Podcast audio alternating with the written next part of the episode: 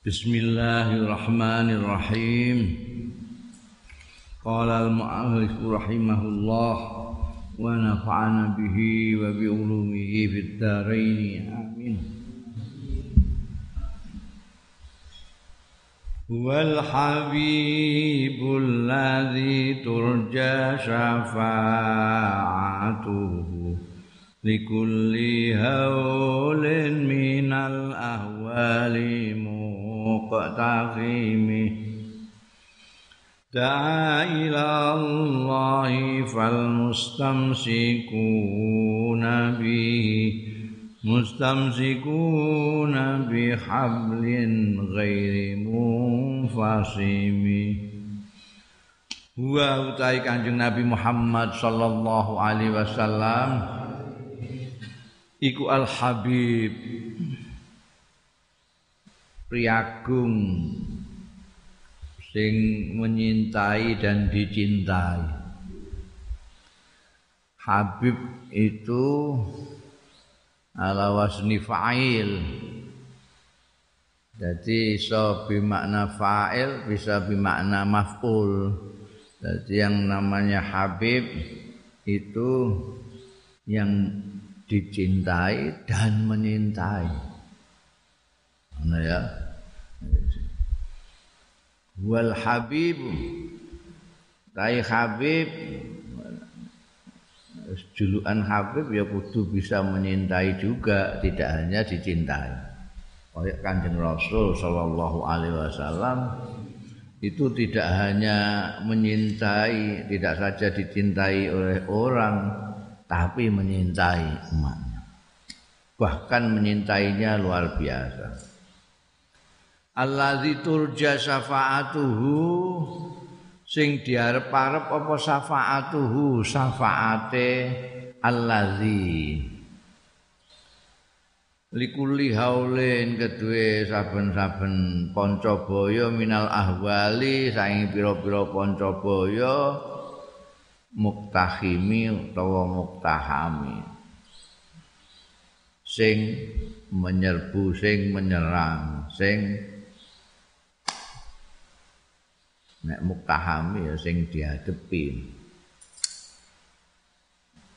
Yang terutama syafaatnya yang ditunggu-tunggu yang diharap-harapkan oleh umat itu nanti pada yaum fazail akbar pada hari kepanikan agung kepanikan yang sangat besar di mana tidak ada orang yang bisa dimintai syafaat inti semua orang minta mengharapkan syafaatnya kanjeng Rasul Sallallahu Alaihi Wasallam. Karena cintanya Rasulullah dan umatnya kanjeng Nabi nyafaati mereka. Ini kitab-kitab itu kan diceritakan orang-orang panik dunia sudah sedemikian rupa. Lagi pandemi saja sudah paniknya kayak gitu. Bayangkan nanti kalau yaumil fazail akbar. Orang lupa anak lupa ayah lupa ibu lupa. Semuanya pada bingungi. Datang ke Nabi Adam Nabi Adam nggak bisa nolong saya. Saya pernah punya salah sama Tuhan. Saya dilarang untuk mendekati pohon itu saya malah makan buahnya. Datang ke nabi-nabi semuanya menolak. Akhirnya datang ke Rasulullah Shallallahu Alaihi Wasallam. Rasulullah sujud tidak dangak-dangak sudah wujud. Sampai Allah ndawi udah. Jengkelan udah. Dan Nabi sebelum umatku di mendapat syafaat saya tidak akan oh berhenti bersujud Ane mungkin sebutno al Habib alladzi turja syafaatuhu likulli haulin. Bahkan bukan hanya yaumil fazail akbar. Sudah terbukti setiap kali ada orang mendapat coba itu kalau selawat nih kanjeng Rasul Shallallahu Alaihi Wasallam ini dilepaskan dari Poncoboyo itu. Mulane ono apa jenenge? Ana selawat tibil kulub iku nek wayahe nek penyakit. Cobane penyakit iku. Ana uh, selawat fatih ana selawat macam-macam. Itu ulama-ulama yang bersih hatinya itu dapat ilham untuk membuat selawat-selawat itu ono selawat Maria sak pitulute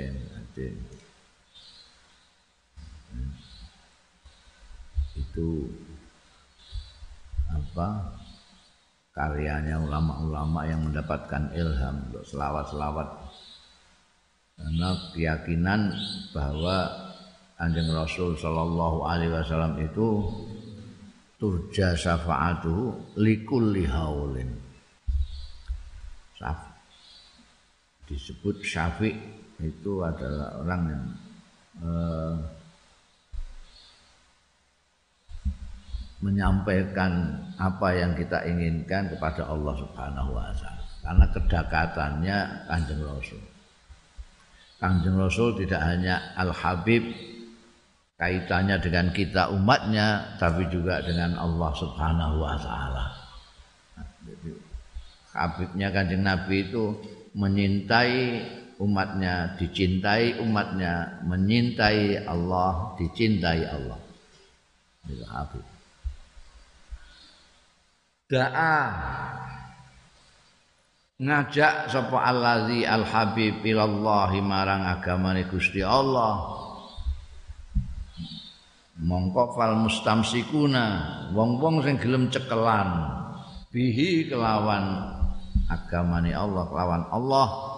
Mustamsikuna iku berarti cekelan. Bihablin kelawan tampar tali ghairi munfasimi kang ora iso pedhot. Kita diajak oleh Kanjeng Rasul sallallahu alaihi wasallam untuk beragama Islam supaya mendapat ridhonya Allah. Mulane disebutkan da ilallah kan. Akeh-akeh kiai maknani ilallah iku ila dinillah. Jane yo agamane Gusti Allah itu hanya perantara untuk sampai ke Allah. Kita cekelan agamane Gusti Allah supaya dapat ridhone Gusti Allah. Al mustamsikuna billah mustamsikuna bihablin ghairi munfasimi. Cekelan itu selamat ora bakal pedot. Kowe kok cekelan liyane Gusti Allah, wah iso kliwung-kliwung kowe.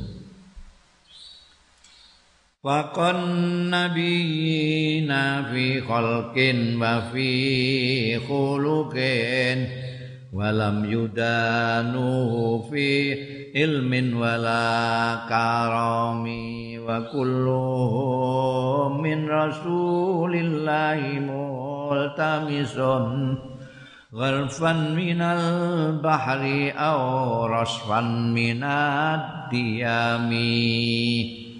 Dimulai masuk madah kepada Rasulullah sallallahu alaihi wasallam.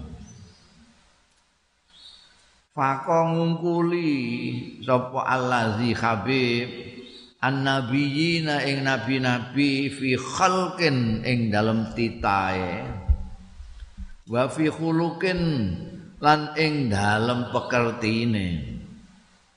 Walam yudanuhu lan ora marek-mareki ing allazi ora marek-mareki ya nabiyin. Marek-mareki aja tidak apalagi persis sapa nabiyinahu ing allazi fi ilmin ing dalem ngilmune wala karami lan ora murae lomane.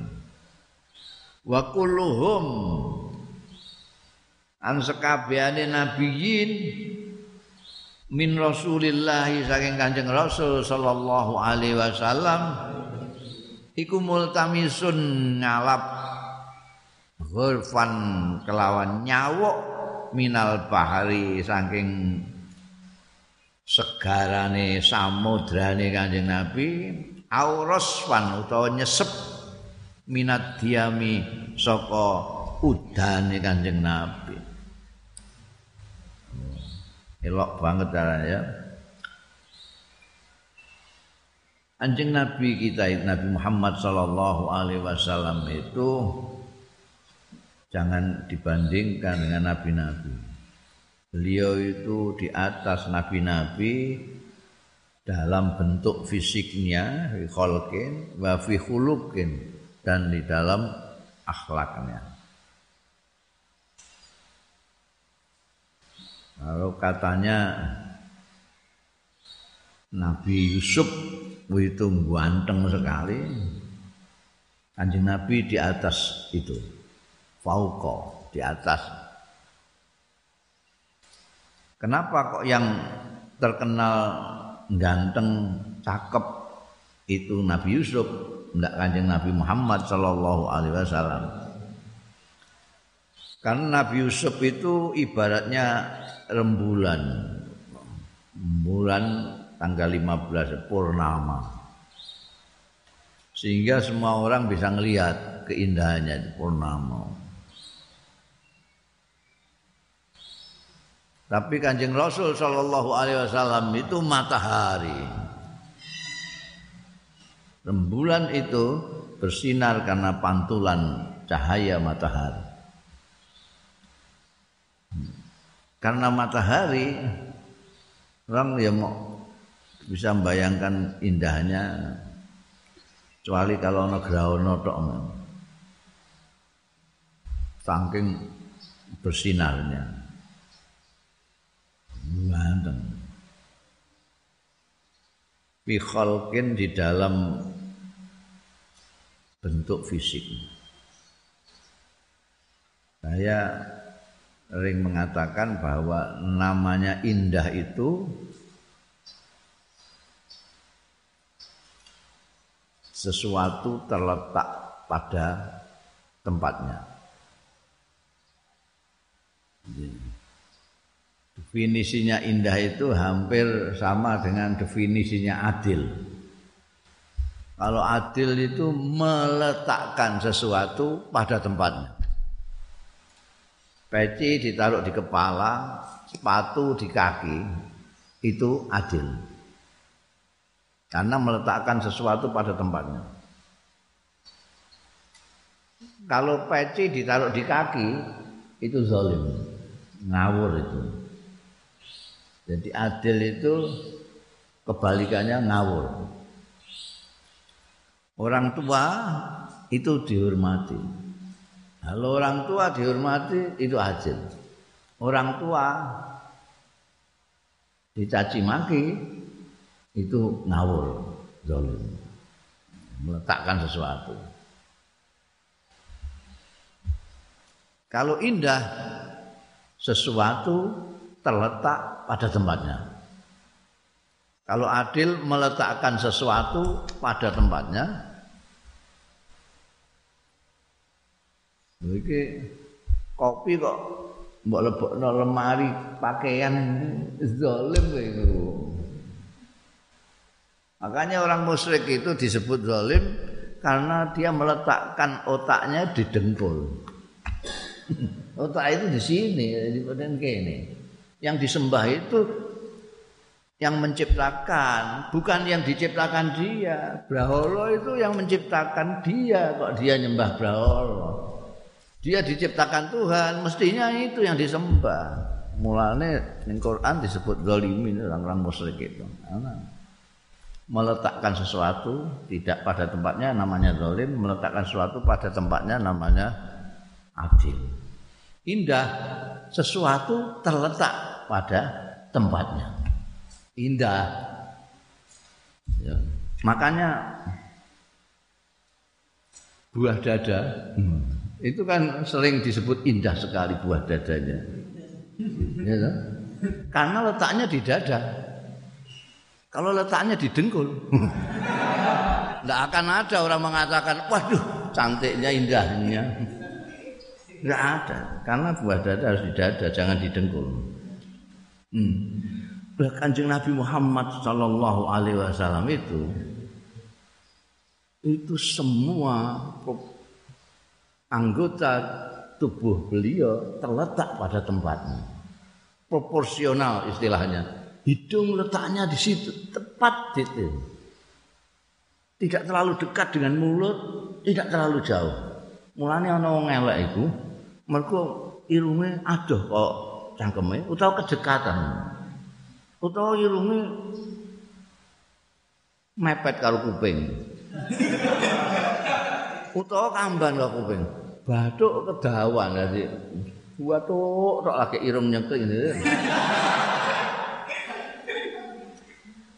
Orang yang ganteng itu semuanya tanah. Matanya ya di situ tempatnya. Proporsional persis. Kalau orang itu kok meripati tidak tepat pada tempatnya, pada kejembaran ke sini, ya elek, kedekatan ke sini ya elek. Kemengisor ya elek, kendurun ya elek. Janggut nek kedawan ya elek. Orang dijanggut ya elek. Kanjeng Nabi itu Orang itu ada kadang-kadang kalau duduk kelihatan wah wonge ketok kok buagah gede dulu kan banyak ustad-ustad yang kalau di TV kok ketok gagah. Tapi coba dekati, lho jebule cilik ndek. Kenapa itu? Karena dari pinggang ke atas dia lebih tinggi daripada pinggang ke bawah tidak proporsional. Ada yang kalau biasa gini biasa saja, tapi begitu copot katok bal-balan, kok tak goding banget. Loh itu kok jadi gitu? Karena dia mempunyai proporsi dari pinggang ke bawah itu panjang. Kanjeng Nabi enggak persis di tempatnya. Pinggangnya ke sana ya pas, ke sini ya pas. Makanya Kanjeng Nabi tidak pernah dijuluki jangkung. Padahal orang yang jangkung kalau berjalan bersama kanjeng Nabi di bawahnya kanjeng Nabi. Ejina Umar jangkung, Khalid bin Walid jangkung. Tapi kalau berjalan bersama kanjeng Rasul masih di bawah kanjeng Rasul. Kanjeng Nabi tidak pernah dijuluki pendek. Apalagi kuntet.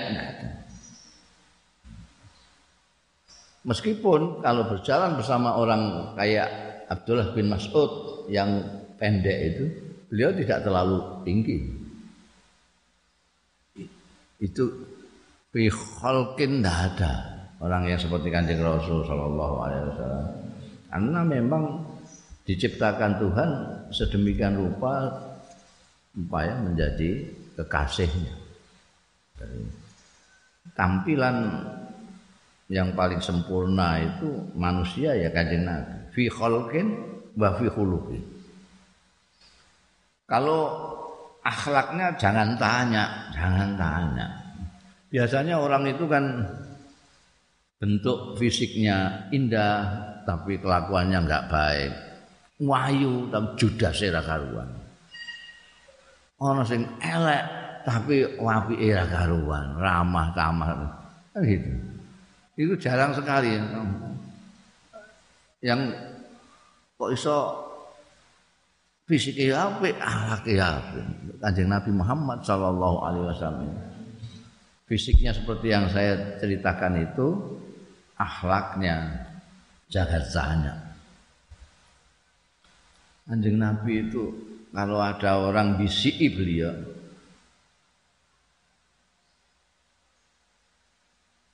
saya kan Nabi saya mau bisiki ini karena rahasia. Kanjeng Nabi nengklengno telinganya untuk dibisiki. Bukan orang yang datang beliau yang mendatangkan telinganya karena ada sahabatnya yang akan bisiki apa Dan kanjeng Nabi tidak akan mengangkat telinganya sebelum orang itu selesai membisiki. Ada orang seperti itu, pemimpin seperti itu. Kanjeng Nabi kalau salaman orangnya belum menarik, beliau tidak menarik. Khawatir kalau menyinggung perasaannya. Itu untuk memberi gambaran kepada kamu betapa kanjeng Nabi itu lembut budi pekertinya itu sampai segitu. Jangan kata bicara. Menghadapi orang yang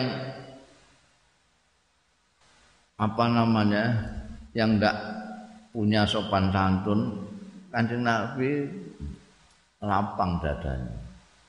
Pernah disendal-sendal oleh uang dusun itu sampai di sini membaret merah sahabat sahabat sudah kepengen nempeleng aja anjing nabi itu jangan nempeleng iki ngono. Wong durung ngerti wong durung ngerti dikai pengertian. Ora kok ditempeleng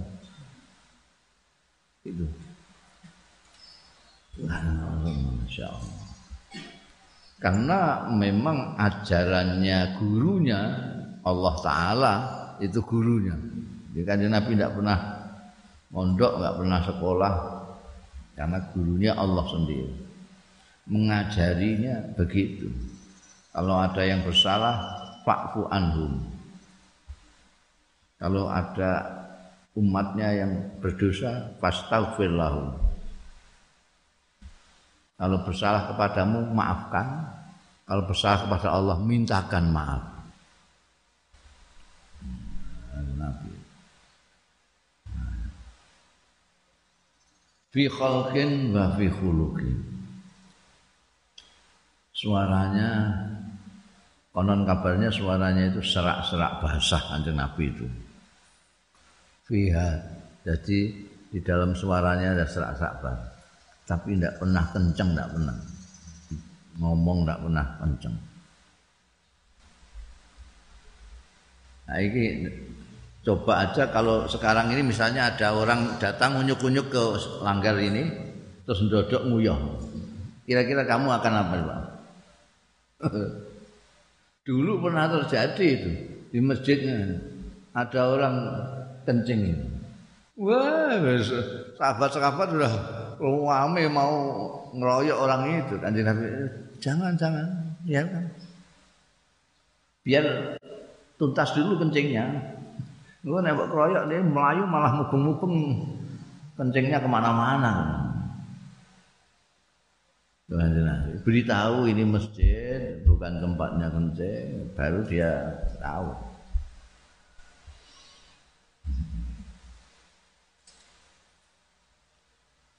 Bung Karwan dalam perang melawan orang-orang musyrik itu Kanjeng Nabi kepepet dalam kondisi yang sangat tidak menyenangkan pada waktu perang Uhud. Itu orang-orang sekelilingnya jenengan itu kekasihnya Allah mohon saja kepada Allah supaya mereka itu dilaknati nah sudah sambil gelapan sudah selesai jawabnya kanjeng Nabi loh Aku diutus untuk mengajak mereka, bukan untuk melaknat mereka. Bu itu da'iyan la la'anan. Yang paling sulit itu eh, menirukan akhlak kanjeng Nabi. Wong nabi-nabi aja disebut Imam Busiri lam yudanu fi ilmin bala karom ilmunya yang sing mulang Gusti Allah dhewe jadi ilmunya tidak ada yang lawan. Nabi-nabi saja tidak mendekati saja tidak apalagi sama. Anjing Nabi itu ngerti awal kejadiannya ngalam ini sampai nanti sesudah alam dunia ini ya. Mulai penitahan Nabi Adam sampai Nabi Adam turun ke sampai nanti di hari kiamat hari kiamat itu sampai tuntas yang ke surga masuk surga semua yang di neraka sudah abadi di neraka. Naudzubillah. Ini kanjeng Nabi tahu ilmu luar biasa. Sebagian diberitahukan kepada kita itu. Lewat hadis-hadis lewat Quran. Romanim juga nabi-nabi tidak bisa mendekati kanjeng Rasul Shallallahu Alaihi Wasallam. Kanjeng Rasul itu tidak pernah megang duit, bukan karena tidak punya, tapi setiap ada duit dibagi. Tidak pernah nyembelih wedus itu tidak dibagi Beliau hanya mencari sisanya yang dibagi. Nyembelih wedhus itu bagi ana sisane apa ora? Nek ana sisane beliau dapat kalau ndak Kadang-kadang untuk sisa kikil tok ya ndak masalah. Oman. Lumane rakaran digambarkan oleh Imam Busiri kalau ilmunya kanjeng Nabi itu samudra Nabi itu hanya nyawuk sak cawukan aja dari samudra itu.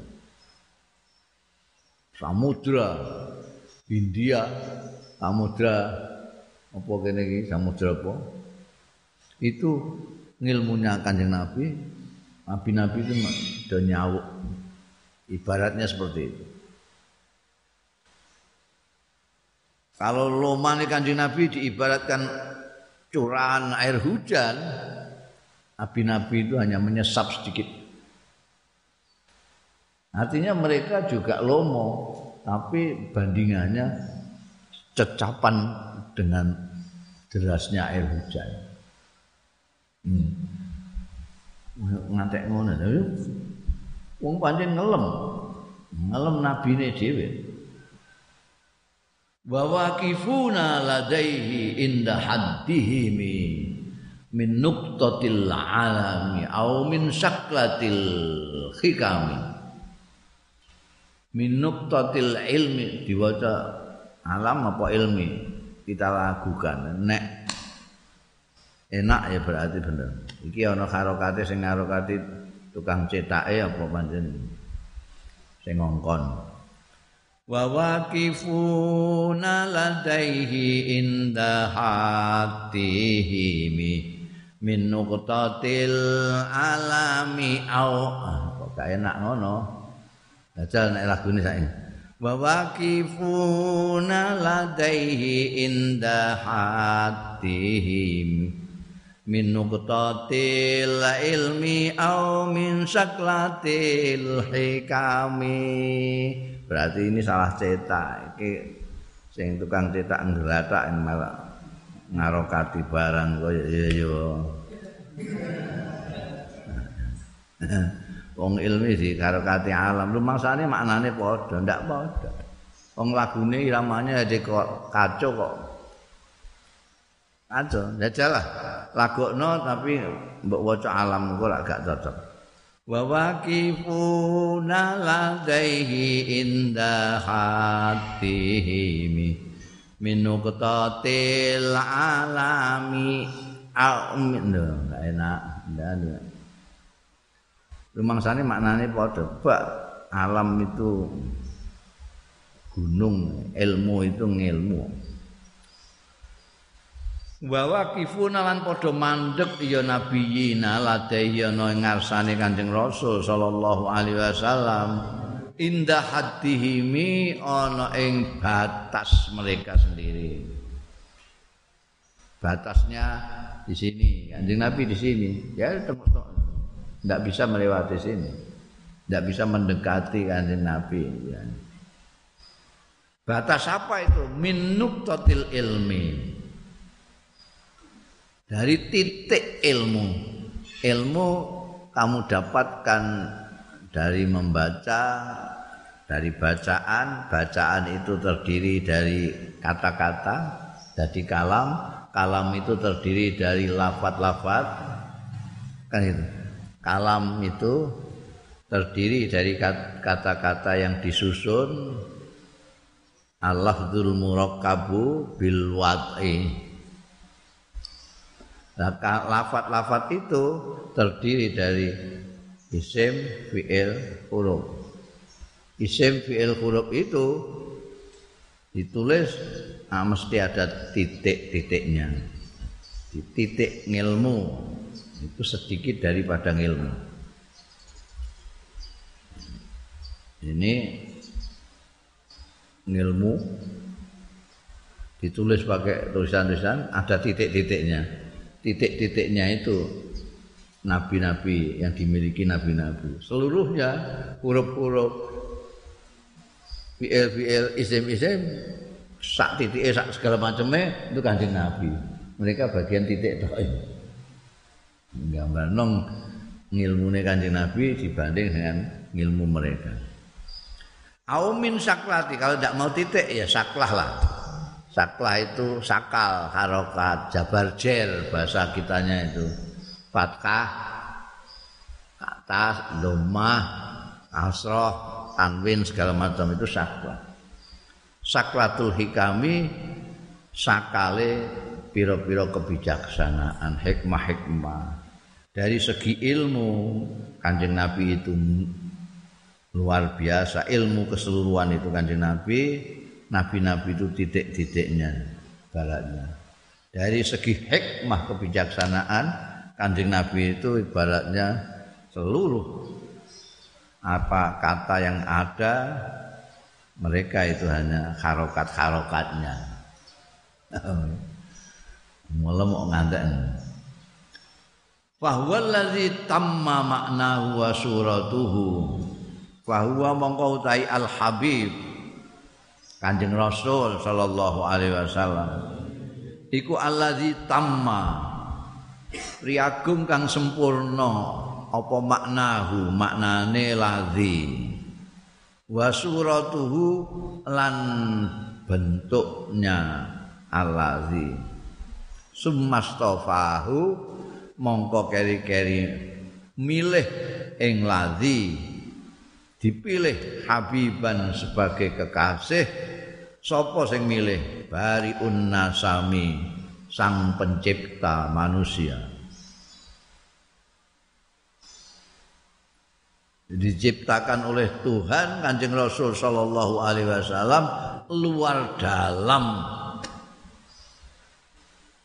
sempurna insan kamil tidak ada kecuali Kanjeng Rasul sallallahu alaihi wasallam. Insan Karena itu tadi gambarannya ada fisiknya maupun karakternya, pribadinya semua sempurna. Ini dipilih oleh Allah Subhanahu wa taala pencipta manusia ini sebagai kekasihnya yang mengasihi Allah Subhanahu wa taala. Jadi munazzahun an syarikin fi mahasinihi fa jauharul husni fi ghairu munqasimi. Munazzahun disucikan artinya tidak ada apa resik nah Resik dari apa? Ansarikin saking sekutu yang madani, yang ngembari, yang bandingi syarik tidak ada. Di dalam soal apa? Fi mahasinihi ing dalam kecantikan, keindahan, keindahane allazi artinya keindahane Kanjeng Rasul sallallahu alaihi wasallam. Fajauharul husni maka pokoke inti daripada keindahan fihi yang dalam Kanjeng Rasul sallallahu alaihi wasallam iku ghairu mungqasim. Ora mungqasami. Ghairu mungqasami. Iku dikarokati mek tukang cetak eh, mungqasimi. Wong maknane tidak terbagi. Nek mungkosimi membagi, mungkosan tidak terbagi. Kanjeng Nabi Muhammad Shallallahu Alaihi Wasallam pendek kata tidak ada saingan sama sekali. Bersih dari saingan. Bersih dari tandingan. Bersih dari yang nyamai munazzahun ansarikin di dalam keindahannya tidak ada mau tak kandang secara fisik seperti itu bicara fasih sekali, wajah paling bersinar, ha? akhlak paling tinggi. Pendek kata, inti dari keindahan Kanjeng Rasul Shallallahu Alaihi Wasallam itu tidak terbagi dengan siapa-siapa. Sampai kepada Nabi pun tidak. Hanya milik Kanjeng Nabi itu. Wah ngelem kok sampai gitu. Ya ben dak madda'athun nasara fi nabihim. Wahkum bima syi'ta madhan fihi wahtakimi wansub ila zatihi ma syi'ta min syarafin. Wansub ila qadrihi ma syi'ta min mergo fa inna fadlal rasulillahi laisa lahu haddun fayu'rib fayu'rib anhu natikun bifamin dak tinggalo sira maing barang iddaathu sing nganggep hu ing ma sapa an-nasara wong-wong nasrani fi nabihim tentang nabi ni nasara. Wahkum lan netepno sira ngukumono sira bima sikta kelawan barang kang karep sira madhan sebagai pujian fihi. Ing dalem Kanjeng Nabi Muhammad sallallahu alaihi wasallam nabimu sendiri wah takim lan tenanana sira. Permadekno ngelem sak ngelem-ngelemu wansub lan nisbatno sira ila zatihi marang pribadine Kanjeng Rasul sallallahu alaihi wasallam nisbatno maing barang sikta kang karep sira min sarafin. Ayane mulyane wansub ila qadri lan nisbatna sira ila qadrihi maring pangkate Kanjeng Rasul kedudukane Kanjeng Rasul martabate Kanjeng Rasul sallallahu alaihi wasallam nisbatna maing barang sik kang karep sira min izamin nyatane keagungan. Mergo pancen fa inna fadla rasulillah setuhune keutamaane Kanjeng Rasul sallallahu alaihi wasallam laisa lahu ora ana iku lahu kedue fadlu Rasulillah apa haddun batas. Fayu riba mongko kok iso mengungkapkan anhu saking fadla Rasulillah sapa natikun wong sing guneman bifamin kelawan cangkem. Wong orang bisa mengungkapkan sesuatu itu hanya dengan mulut. Itu tidak nyandak untuk mengatakan keutamaan Kanjeng Rasul sallallahu alaihi wasallam. Jadi pesannya Imam Busiri asal kamu itu tidak usah niru-niru orang Nasrani terhadap nabinya yang karena menyintai nabinya, mengkultuskan nabinya lalu dikatakan anaknya Tuhan. Asal kamu jangan sampai kamu itu seperti mereka menyamakan Kanjeng Nabi Muhammad seperti putra Tuhan enggak usah asal kamu tidak seperti mereka terhadap nabi mereka sudah terserah kamu. Mau muji kayak apa sundul langit kurang percaya karepmu satu saja tadi asal coba darani pangeran. Kayak apa pun hebatnya makhluk tidak bisa kamu bayangkan kamu bandingkan dengan Khalik. Saya sering memberikan contoh bahwa makhluk yang namanya manusia ini tinggal di bumi. Di bumi itu kalau di peta alam semesta itu tidak ada sebutir debu saja tidak ada. Biasanya saya gede no sak kacang hijau. Bumi kita satu kacang hijau ditinggali manusia kira-kira tujuh setengah miliaran. Banyak kelihatannya. Bahkan yang gede kayak kingkong. Tapi tetap dibawa di dalam kacang hijau atau tepatnya di sebutir debu. Kamu kalau buka YouTube kamu cari dengan kunci bumi, tulis bumi, bumi, klik. Nanti akan tahu sebesar apa bumi. Kacang hijau kegedean. Bahkan sebutir debu itu saja kegedean. Enggak percaya coba buka. Buka YouTube tulis bumi. Al-ard. Earth. Apa-apalah pokoknya bahasanya pokoknya maknanya bumi. Ini ngerti ya bahasamu segala macam itu. Eh? Nanti kamu klik langsung bumi diperlihatkan. Dan itu banyak. Banyak tampilan-tampilan. Ono sing indah. Sing indah itu ono cewek turu ning gone ning gone suketan.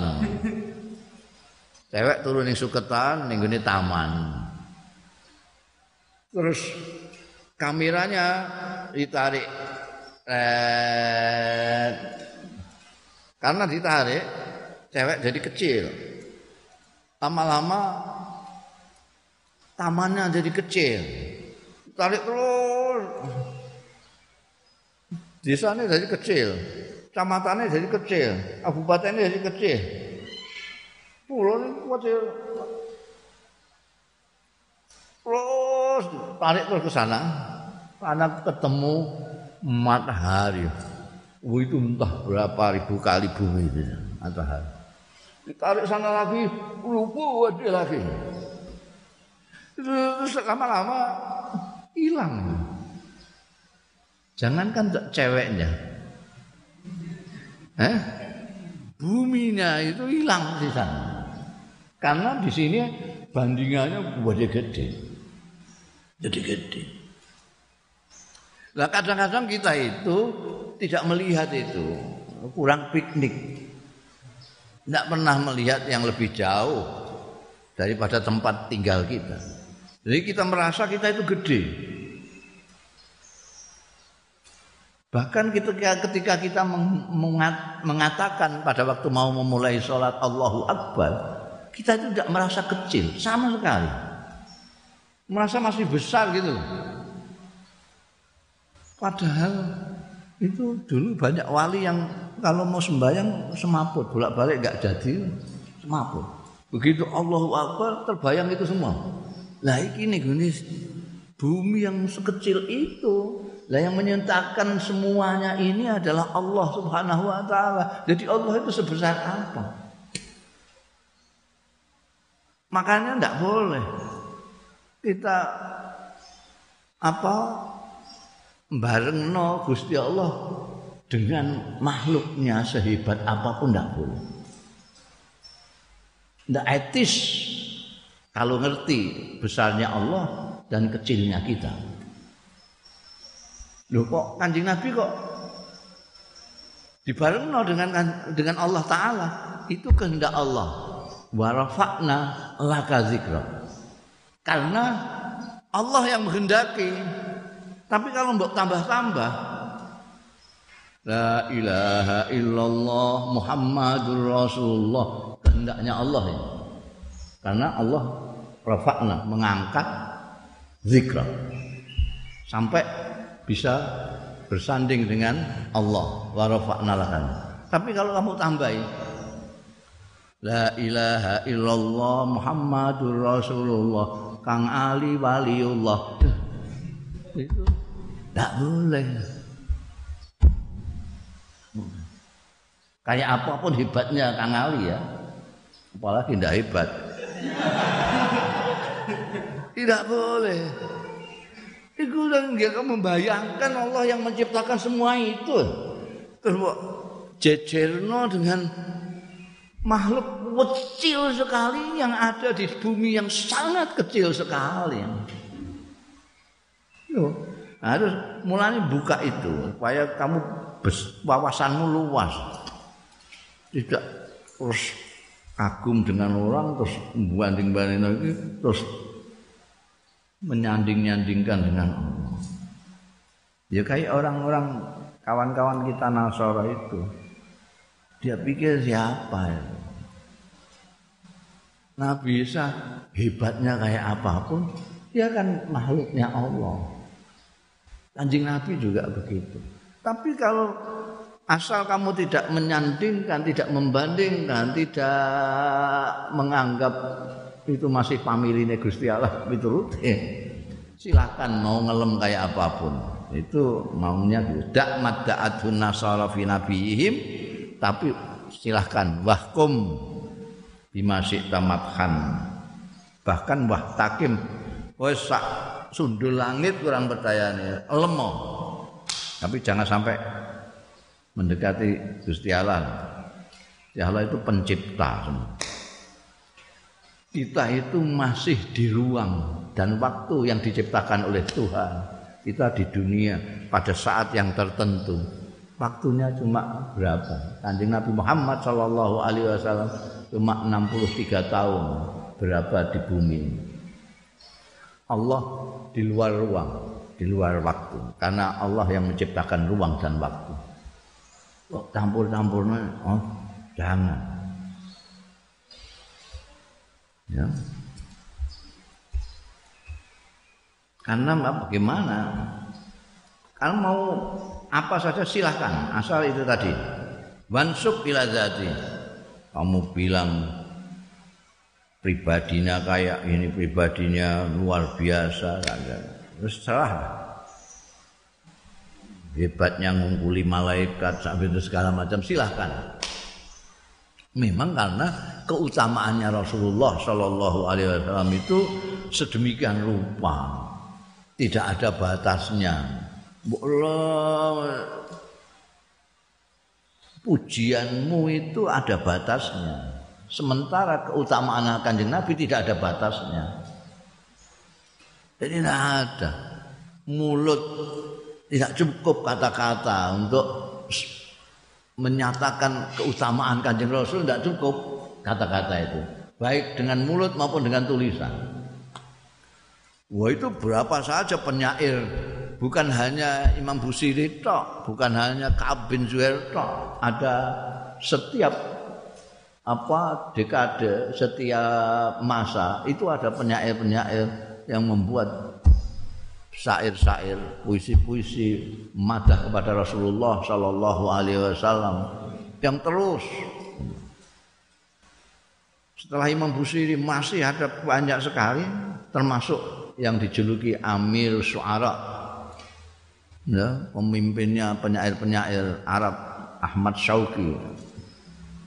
Di abad ke-20 ini Ahmad Syauqi yang membuat Wulidal Huda Falka Inatu dia yang bikin Nahjul Burda yang tidak tidak kalah hebatnya di dalam memuji kan belakangan ada Gusmus juga bikin itu itu karena kanjeng Nabi memang tidak punya batas. Keindahannya, kelebihannya tidak ada batasnya. Sementara kata-kata itu ada batasnya. Kemampuan orang untuk mengungkapkan sesuatu ada batasnya.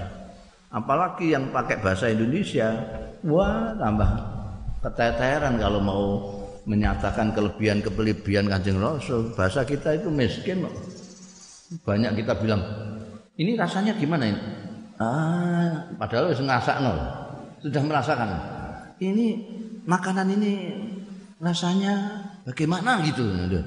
Itu artinya dia tidak punya kata-kata untuk mengatakan itu. Dong rasanya bagaimana itu? Tidak punya kata-kata. Untuk nyondro kekasih kita saja yang sepele itu itu tidak. Kekurangan kata-kata. Sampai enggak umum. Ono bunga ah kau bungaku permataku barang opo ya. Apalagi ini kanjeng rasul yang tidak terbatas kelebihannya. Launa sabat qadrahu wallahu a'lam bishawab